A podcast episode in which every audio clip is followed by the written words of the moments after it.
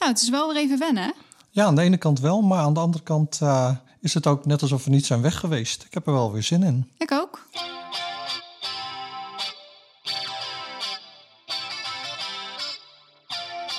Dit is Drang naar Samenhang, de podcast over de psychologie van het begrijpen. Mijn naam is Rolf Zwaan. En ik ben Anita Eerland. In deze aflevering gaan we het hebben over omgaan met informatie die niet in je straatje past. Het liefst zouden we zulke informatie negeren, maar waar komt die drang vandaan? Ja, we hadden voor de zomer gezegd dat we de zomervakantie zouden gebruiken om uh, na te denken over hoe we verder zouden gaan met deze podcast. Ja. Uh, of we dingen wilden veranderen of dat we een beetje op dezelfde voet verder zouden gaan.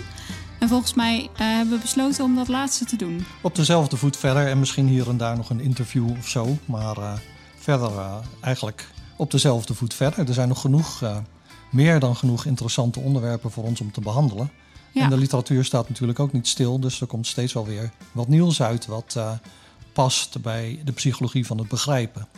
Ja, en, dus nu ja. uh, volgt er geen uh, heel nieuw format. Nee. Um, voor mensen die al eerder naar ons hebben geluisterd. We gaan inderdaad op dezelfde voet verder. Dus we gaan weer een, een bepaald onderwerp uitlichten. En daar ja. gaan we het over hebben. En, en we hebben een tussenstukje in het midden ongeveer. Ja, dat klopt. Dat je even geestelijk tot rust komt kunt komen. En dan gaan we weer verder uh, met het hoofdonderwerp. En um, ja, nou ja, we hebben natuurlijk wel leuk rondgewandeld in de uh, bergen en uh, weet ik wat we allemaal niet gedaan hebben. Maar ondertussen is de wereld er natuurlijk niet leuker op geworden. Mm -hmm. um, dat hebben we trouwens ook in deze omgeving gezien, waar drie jaar geleden een enorme hoosbui is geweest die ja, allerlei dingen heeft meegesleurd en heeft verwoest. En dat mm -hmm. was dit jaar ook weer twee keer. Toen we aankwamen al in uh, Carinthië. Toen was een deel van de weg die wij gelukkig niet over hoefden afgesloten. En dat is drie weken zo geweest, geloof ik, vanwege een overstroming. Mm -hmm. En een aantal weken later was het weer raak. En uh, nou ja, ik heb sindsdien heel wat gesprekken gevoerd met, met mensen in de omgeving die ook uh, beducht zijn voor de klimaatverandering. Hè, en, dat, en dat wij ook iets moeten doen aan de manier waarop het water hier naar beneden komt. We hebben zelf dan nog niet zoveel last, maar dat zou wel kunnen komen. Nou, en, en dat hebben we ook wel gehad natuurlijk. Hebben we wel gehad. En het is uh, ja, natuurlijk iets wat je niet, wat niet één persoon kan oplossen, wat we met z'n allen moeten oplossen. Want het water komt natuurlijk uh, overal vandaan. Dus nou ja, dat is uh, wel een gespreksthema geweest. En dat is dan natuurlijk klimaatverandering op kleine schaal. Hè. Ik mm-hmm. sprak drie jaar geleden iemand die zei... nou, ik heb hier 50 jaar gewoond en ik heb nog nooit zoiets gezien. En nu, uh, dus drie jaar later, dit jaar hadden we twee keer zo'n zo zo'n regenbui en zo'n overstroming. En nou ja, er staan huizen waarvan iemand mij vertelde... die staan er al 200 jaar aan de beek, maar die staan nu zowat in de beek. Ja. Wij zitten gelukkig een heel stuk boven de beek, dus uh, wij zitten nogal goed. Um, maar goed, dat is een lokaal probleem, een lokale manifestatie zou je kunnen zeggen van klimaatverandering. Maar ja, mm -hmm. daarnaast is er natuurlijk ook de oorlog in Oekraïne. Uh, de coronacrisis is ook nog niet uh, over. En Al zijn... lijkt het wel zo. Ik bedoel, als je om je heen kijkt, hè, het lijkt alsof iedereen dat vergeten is. iedereen is klaar met corona, dus... Um, ja, we doen gewoon alsof er niks meer aan de hand is. Maar ja, we zullen na de zomer wel zien. Je ziet hier ja, wel anderhalve man en een paardenkop met een uh, mondkapje voor. Maar de meeste mensen hebben helemaal geen, geen mondmaskers voor. En, Behalve in de Deutsche Bahn, oh, ja. De trein in Duitsland. Want daar moet je wel nog verplicht een mondkapje op. Dus dan, ja. komt, dan denk je weer, oh ja, dat hadden we inderdaad twee Klopt, jaar lang. Klopt, ja. Nou ja, we gaan het zien met ons onderwijs. Mijn onderwijs is geheel online, dus ik zal er niet zoveel last van hebben. Maar ik vraag me af of de campus hè, van onze beide universiteiten mm -hmm. de hele winter of herfst open kan blijven. Maar goed, dat zien we dan wel weer. Um, maar daar gaan we het dus over hebben, over die situaties die ons zorgen baren.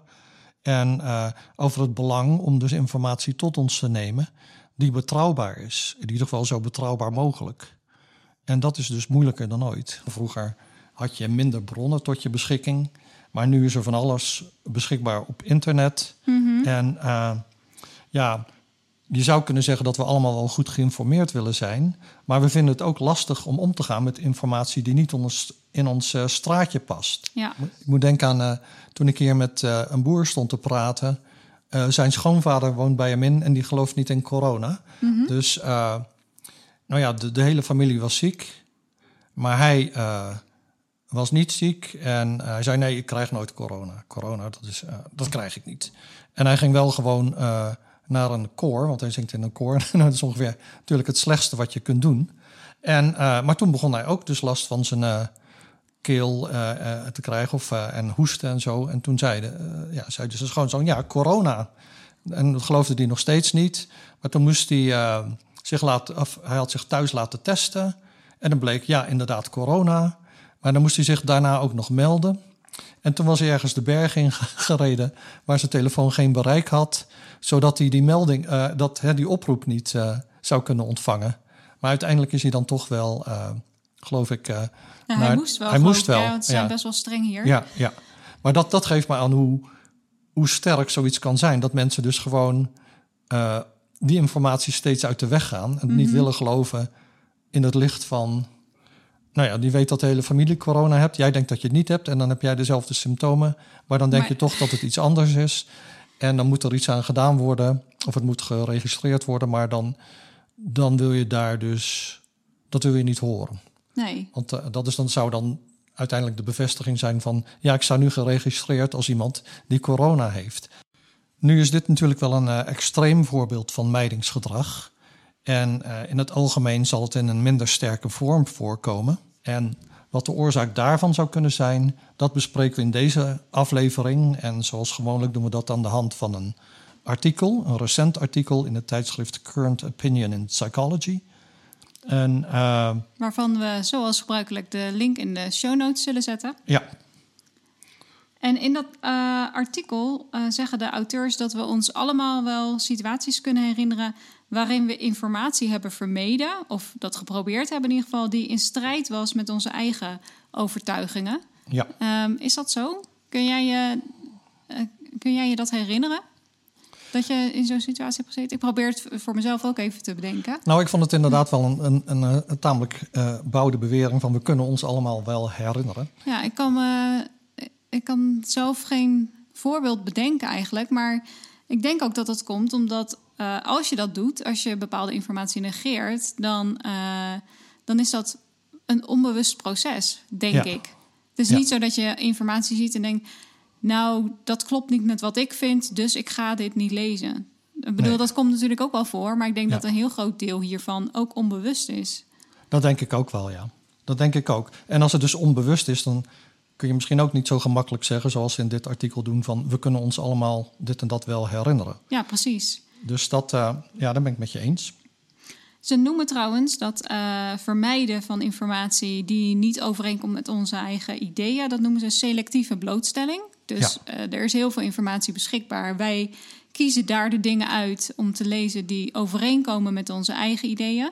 Eh, dat noemen we trouwens confirmation bias en daar hebben we het eh, ook al eerder over gehad. Ja, een selectieve blootstelling is meer dat je juist informatie vermijdt die strijdig zou kunnen zijn met je eigen ideeën.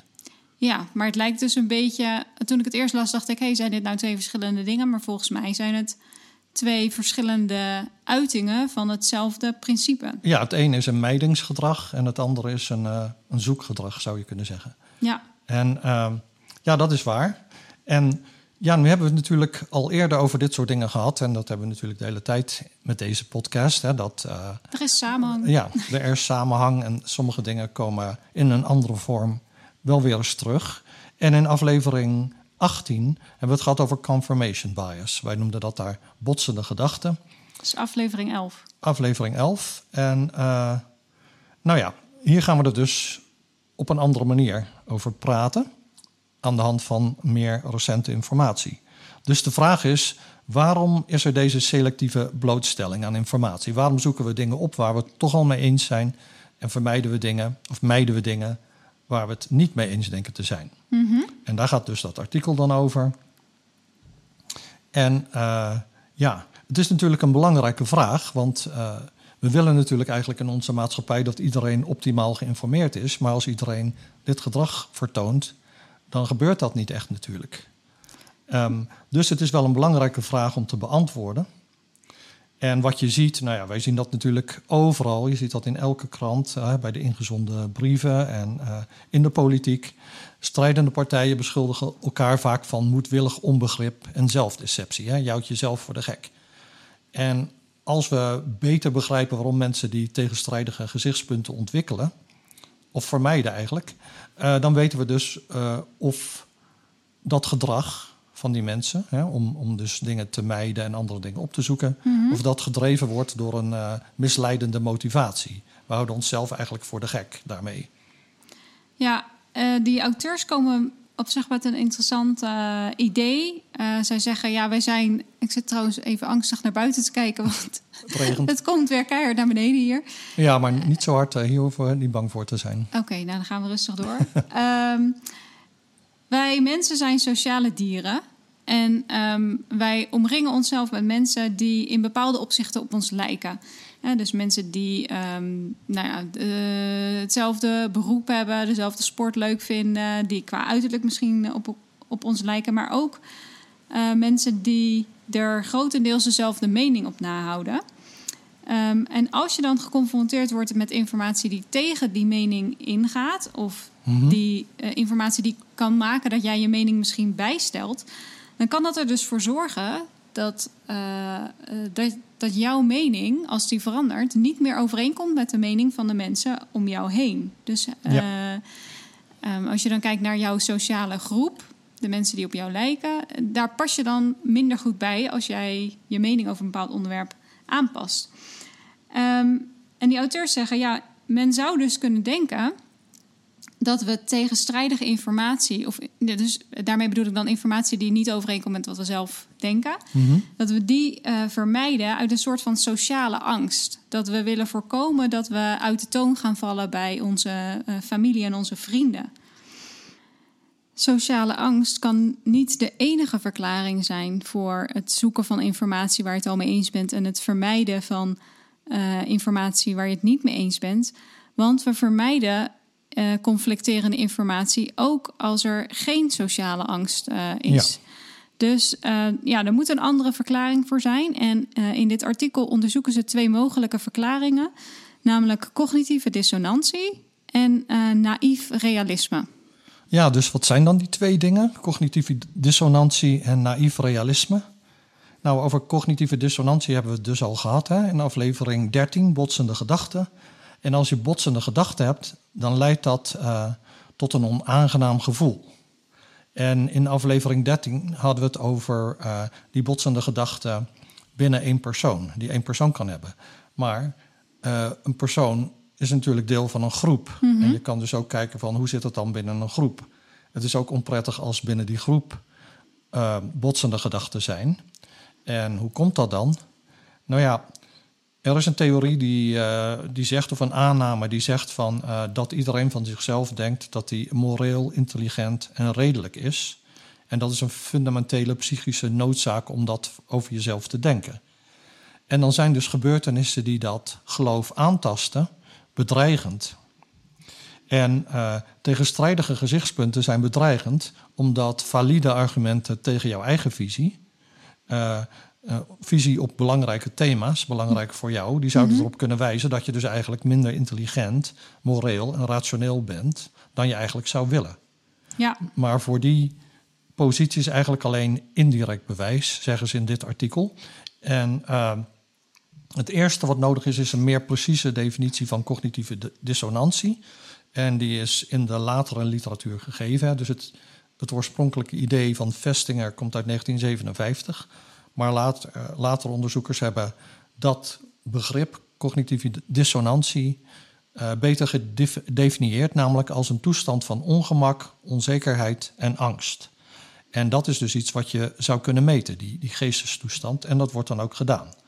En in een uh, recente studie moesten proefpersonen uh, specifieke dissonantie-gerelateerde emoties rapporteren die ze ervaren hadden tijdens oneenigheid. Oneenigheid met anderen, dissonantie, tegenstrijdige gezichtspunten.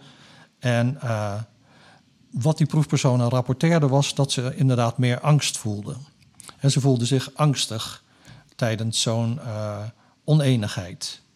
En dat wordt dan door de onderzoekers opgevat als bewijs dat oneenigheid, dissonanties gerelateerd of dissonantie gerelateerd ongemak kan oproepen. En dat ondersteunt daarmee het idee van uh, mensen willen dit soort gevoelens vermijden. Dus die gaan die uh, tegenstrijdige meningen uit de weg.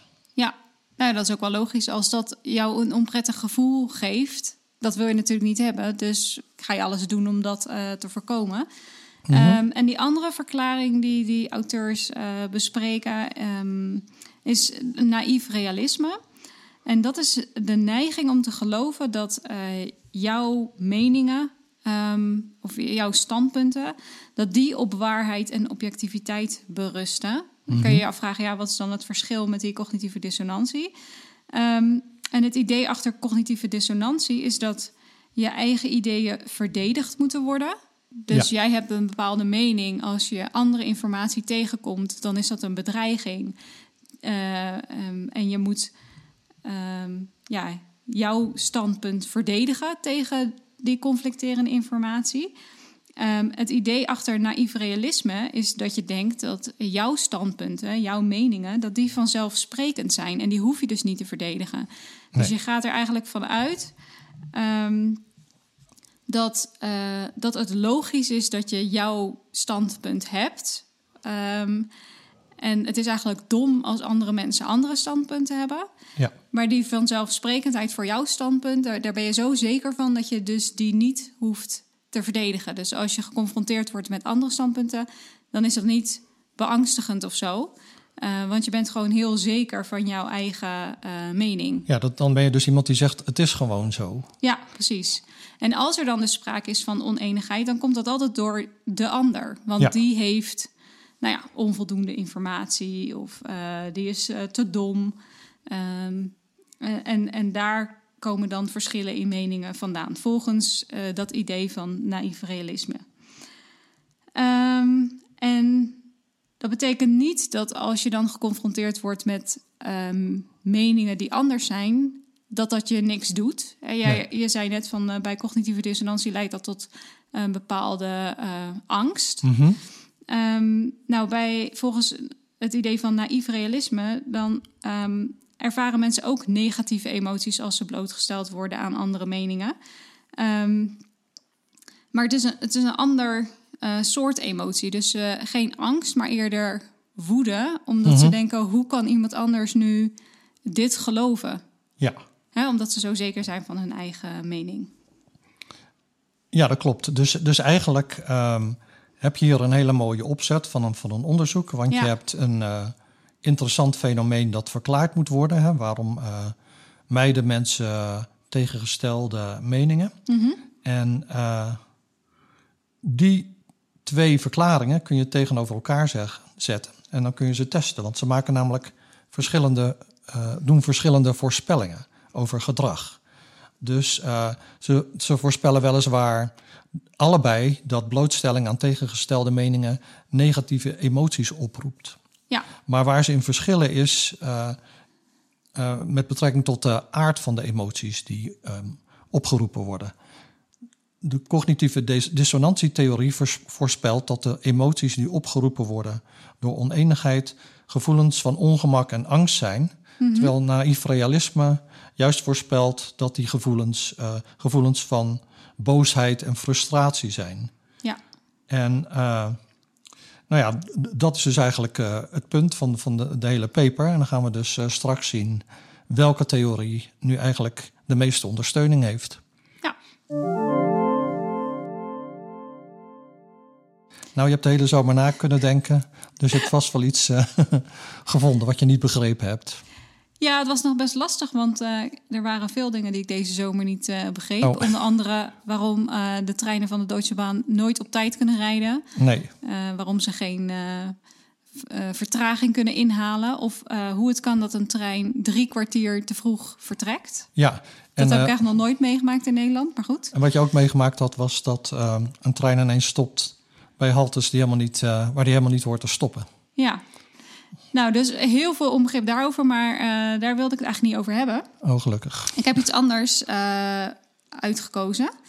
Ehm, en dat is, eh, ja, vorig weekend was ik eh, ehm, een weekendje in Nederland met mijn familie. En toen zijn we naar kasteel Hoensbroek geweest. Ja.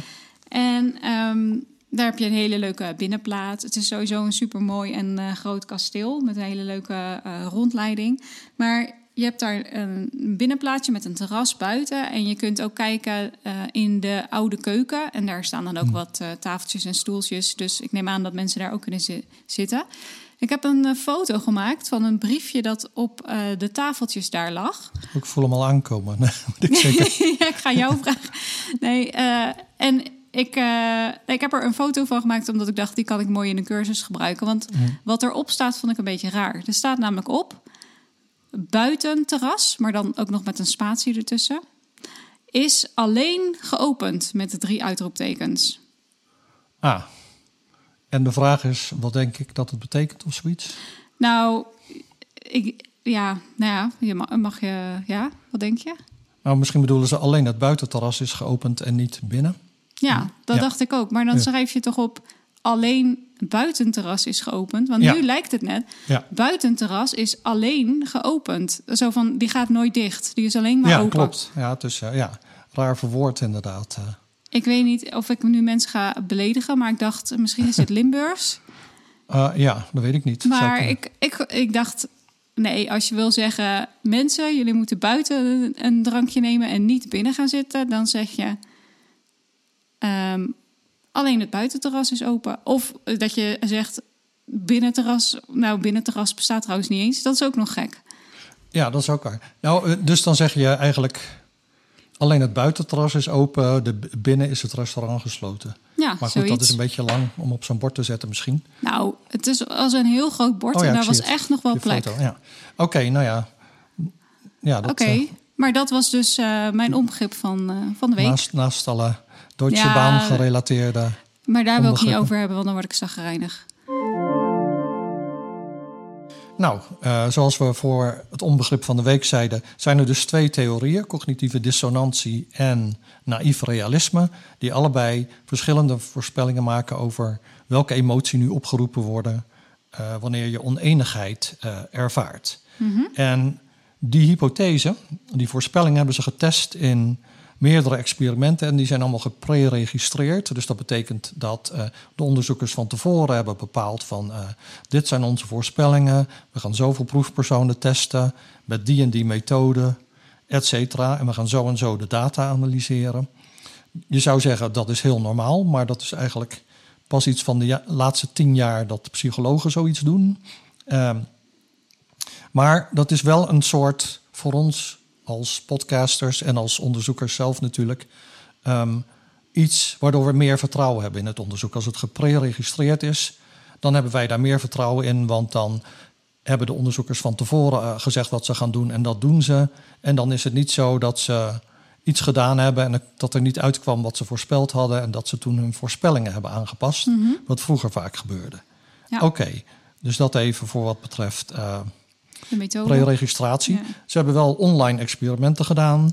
Eh, dus ze hebben me- mensen gewoon een vragenlijst via de computer toegestuurd en hebben mensen antwoord op gegeven. Veel luisteraars zullen ook wel eens aan zo'n eh, onderzoekje meedoen. Ehm, nou, wat vonden ze nou?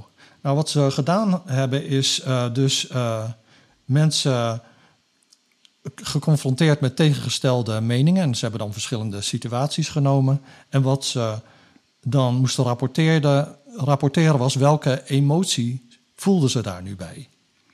En wat je dan eh, zag was dat eh, mensen, wanneer ze blootgesteld werden aan tegengestelde opvattingen, dus in opvattingen die in strijd waren met hun eigen overtuigingen, die waren vooral boos. Die rapporteerden althans dat ze boos waren, gefrustreerd, en niet dat ze dreiging voelden en angst. Dat was mijn eerste gedachte daarbij. Ja, het zijn online experimenten, dus dan voel je je sowieso misschien wat minder bedreigd dan, laten we zeggen, wanneer je, zoals bij een typische Nederlandse verjaardag, in een cirkel zit en iemand verkondigt, jouw oom verkondigt dingen waar je het eh, niet mee eens bent. Ja, het Ehm, is wat meer op afstand. Ja, Ja, dus dat. Maar goed, dat geldt misschien ook wel voor frustratie. Ja, of dus- boosheid. Ik Ja. bedoel, eh, als Ja. iemand, eh, je ziet niet iemand die een andere mening verkondigt. Dus Nee. Waarom zou je dan boos worden op de, de computer of zo? Ja, dus misschien zou je kunnen zeggen, die, die beide emoties. Uh, ik bedoel, die worden allebei dan wel op dezelfde manier gerapporteerd. Het is niet zo dat je meer geneigd bent in zo'n experiment om de ene emotie te rapporteren dan de andere. Maar dat was wel een beetje een twijfel die ik had. Mhm. Um, nou, wat de onderzoekers ook vonden was, ongeacht hoe sterk je meningen nu zijn, dat mensen verschillen natuurlijk in uh, hoe sterk hun opvattingen over iets zijn, afhankelijk van ook nog van onderwerpen. Um, en, uh, maar ongeacht dus hoe sterk je mening was, ze vonden dat patroon bij iedereen uh, meer boosheid dan angst. Maar, zeggen die onderzoekers dan, je zou kunnen zeggen dat die zelfrapportages van woede en frustratie een bewijs zijn voor een defensieve reactie. Dus ze voelen wel dreiging, maar ze weigeren dat te rapporteren. Dus het is eigenlijk een iets ander bezwaar dan ik net noemde. Ik noemde mm -hmm. bezwaar van misschien voelen ze dat helemaal niet in zo'n online omgeving. Maar zij zeggen, het zou kunnen in theorie dat ze, um, dat ze een dreiging wel voelen, maar dat ze dat weigeren te rapporteren. En daarom hebben ze, om dat te testen, hebben ze nog twee andere experimenten uitgevoerd. Ja, om te kijken of uh, onder net iets andere omstandigheden of mensen dan wel aangeven dat ze misschien uh, bedreiging of, uh, of angst voelen.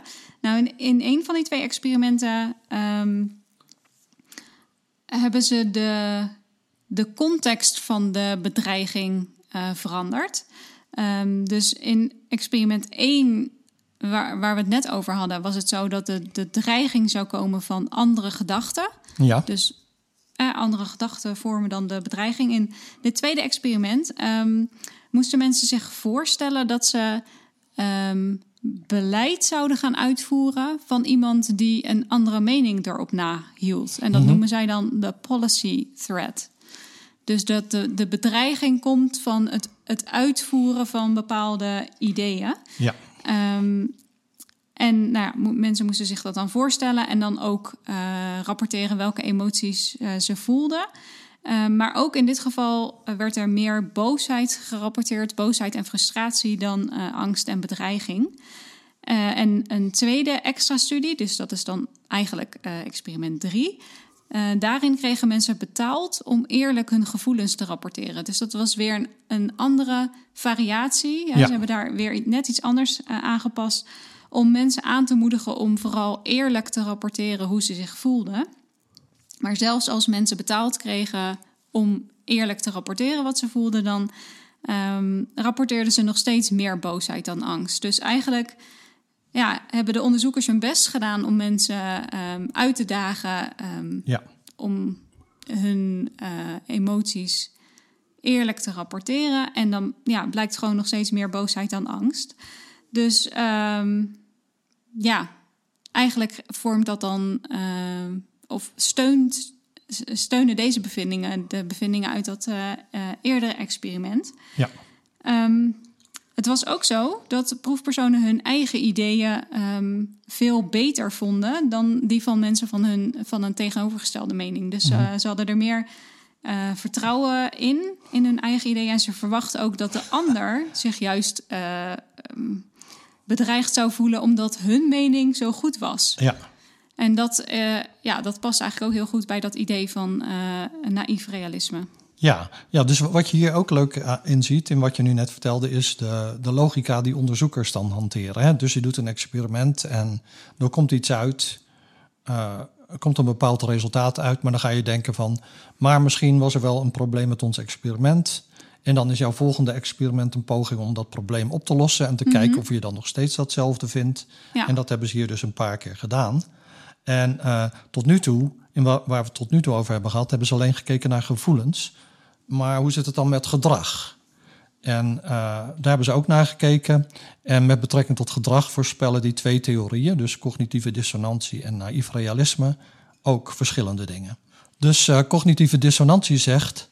Als blootstelling aan tegengestelde meningen een dreiging vormt voor iemand zijn overtuigingen of zelfbeeld, dan zijn vooral goede argumenten van tegenstanders bedreigend en niet zozeer argumenten die slecht van kwaliteit zijn. En voor naïef realisme geldt dus precies de omgekeerde voorspelling. Als mensen boosheid en irritatie ervaren door tegenargumenten, omdat men die argumenten dom vindt, dan geldt dat dus helemaal voor slechte tegenargumenten. Dus het zijn vooral de slechte argumenten die gevoelens van boosheid en irritatie opwekken. En het zijn de goede tegenargumenten die gevoelens van angst opwekken. En dat zijn dus twee verschillende voorspellingen. En die hebben de onderzoekers ook weer onderzocht met hetzelfde soort experiment waar we het al over hadden. 400 proefpersonen. En die kregen een lijst met controversiële onderwerpen te zien. En moesten aangeven hoe belangrijk ze die onderwerp, onderwerpen vonden. Dus laten we zeggen abortus, uh, uh, milieu uh, of klimaatverandering. Nou ja, de noem doodstraf. Of ik de doodstraf, um, dat soort dingen. En die moesten ze op volgorde leggen. Volgorde van belangrijkheid. En ook uh, op volgorde van hoeveel kennis ze hadden van elk onderwerp. Mm -hmm. Dus twee keer moesten ze ze op volgorde leggen. Nou, en daarna kregen ze dus een willekeurig gekozen onderwerp. Dus mm -hmm. het mhm. maakte niet uit of ze het nu belangrijk vonden of niet. Gewoon een willekeurig onderwerp. En daarbij uh, konden ze dan kiezen uit twee tegenargumenten. Een slecht argument of een goed argument. Maar ze kregen die argumenten niet te zien. Ze moesten alleen maar zeggen welk van de twee zou je willen zien. Een sterk argument of een zwak argument. Mm En uh, hoe wisten ze dan dat die argumenten zwak of sterk waren? Nou, er werd bij verteld, andere proefpersonen hebben deze argumenten bekeken. En deze werden sterk gevonden en deze zwak. Nou, welke ga jij kiezen? De sterke of de zwakke? Nou, dan bleek dat dus bijna 80% van de proefpersonen ervoor koos om het sterke argument te bekijken. Uiteindelijk kregen ze dat dus niet te zien. Het ging er maar om wat gingen ze kiezen. Ja. Want het ging om het gedrag. Ja.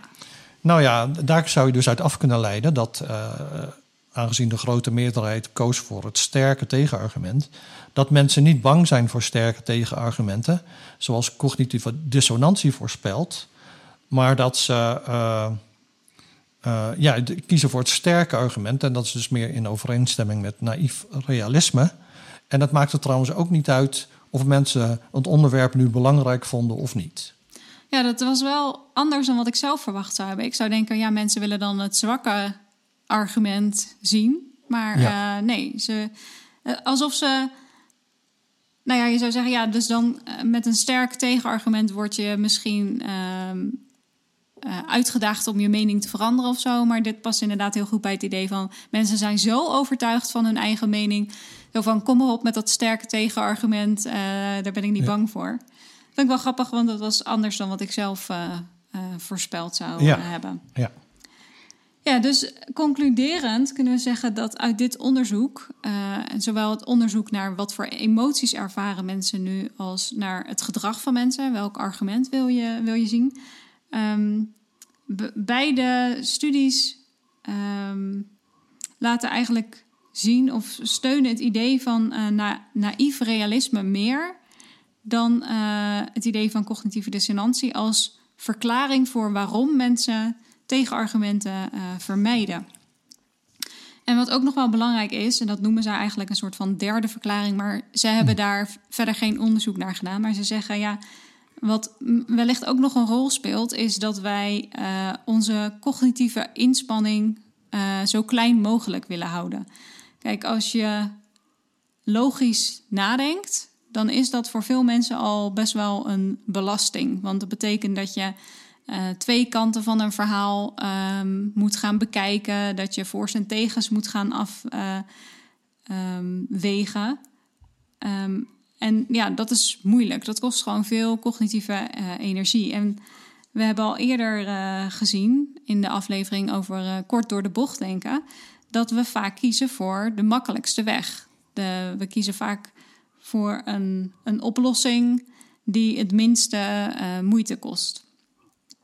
En dat we vaak de makkelijkste weg kiezen, kan ook deels verklaren waarom we dus niet graag tegenargumenten voor ons standpunt zien. Want ja, dan heb je die informatie, het past niet in uh, het beeld dat je nu al hebt. Het past niet je in... situatiemodel. Ja, ja. precies. Uh, dus dan moet je dat misschien gaan, uh, gaan aanpassen of zo. En dat is gewoon veel moeilijker dan die informatie negeren en het houden bij het situatiemodel dat je al hebt. Ja, ik moet ook zeggen dat uh, dit kwam een beetje als een konijn uit de ooghoed, die, uh, die verklaring ja. van de cognitieve inspanning. Maar die vind ik zelf wel het, eigenlijk het meest plausibel.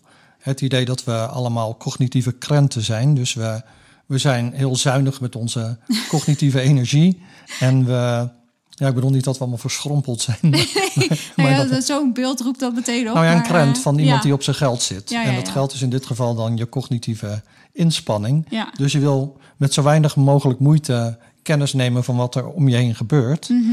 En eh, nou ja, dat verklaart dan ook waarom je tegenargumenten uit de weg gaan, gaat. Want die passen niet in wat je al hebt gebouwd. En die, die zorgen dus alleen maar voor, die lopen alleen maar in de weg, Ja. zeg maar. Ja. En eh, ja, ik vind dat wel een, eh, op zich een heel plausibele verklaring. ja, dat, dat vind ik ook. En ja, dan is dus de vraag hoe verhoudt die verklaring zich tot naïef realisme en cognitieve dissonantie?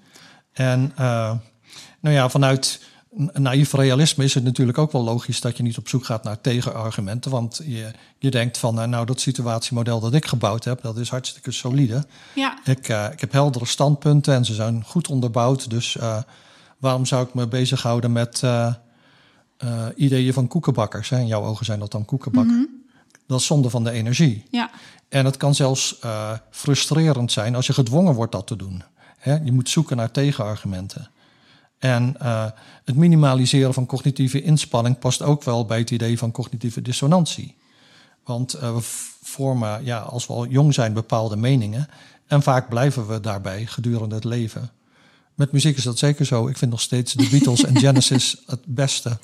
En alles ver- verder stukken minder. En dan zal ik eh, dat zal niet veranderen nog, denk ik. Ehm, en eh, ja, dus eh, het wisselen van mening is ook een ac- activiteit die heel veel energie vergt. Dat hebben we zelf misschien ook wel gemerkt met sommige dingen. Van, ja, dat, dat betekent toch een hele verbouwing, mentale verbouwing, zeg maar, om, om dan die nieuwe, dat nieuwe gezichtspunt in te bedden. ja, En eh, ja, als we klein zijn, kunnen we natuurlijk ook nog niet zoveel informatie verwerken.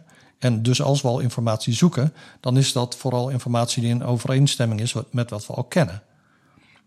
Hè, zoals eh, nou ja, dat kinderen vaak iets begrijpen in termen van, van iets anders wat ze al eerder gezien hebben. Dus eh, laten we zeggen, elke man met een snor is ineens opa of zo oh ja, dat ze overgeneraliseren. Ehm, en eh, ja, dus dat verklaart dan ook wel dat we, dat we dus een beetje uitfilteren wat niet in onze kraam past, zeg maar. Want dan eh, overbelasten we ons brein niet. Maar, eh, en, en die- houding die we dus al van kinds af aan hebben ontwikkeld, die, die blijven we houden als we ouder worden. ja.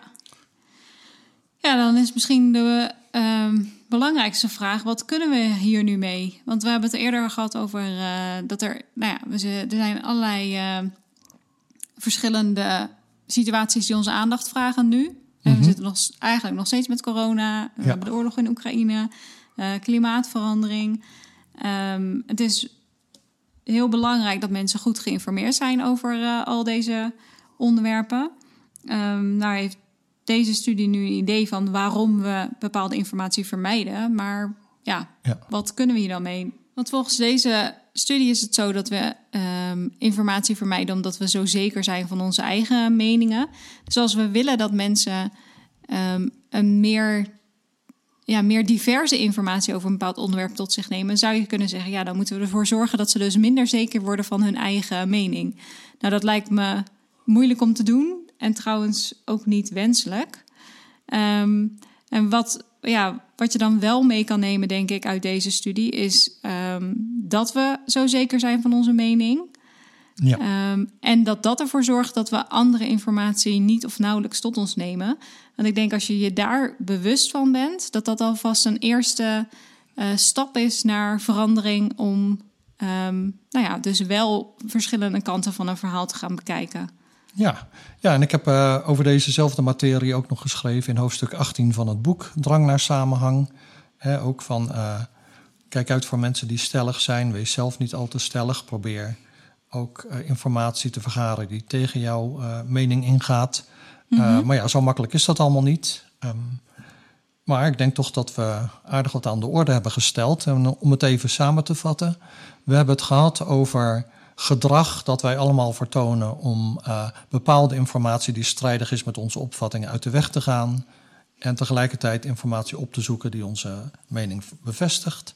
En er zijn twee verklaringen voor eh, waarom dit zou kunnen gebeuren. De ene is cognitieve dissonantie. Je wil eigenlijk geen oneenigheid. Je wil niet dat, uh, uh, dat dingen conflicteren met jouw eigen wereldbeeld, want dat maakt jou onzeker en angstig.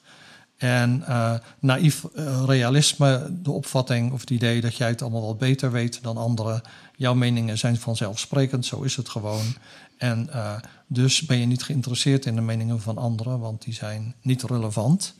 Uh, nou ja, er is onderzoek gedaan en dat onderzoek lijkt meer in overeenstemming met naïef realisme dan met cognitieve dissonantie.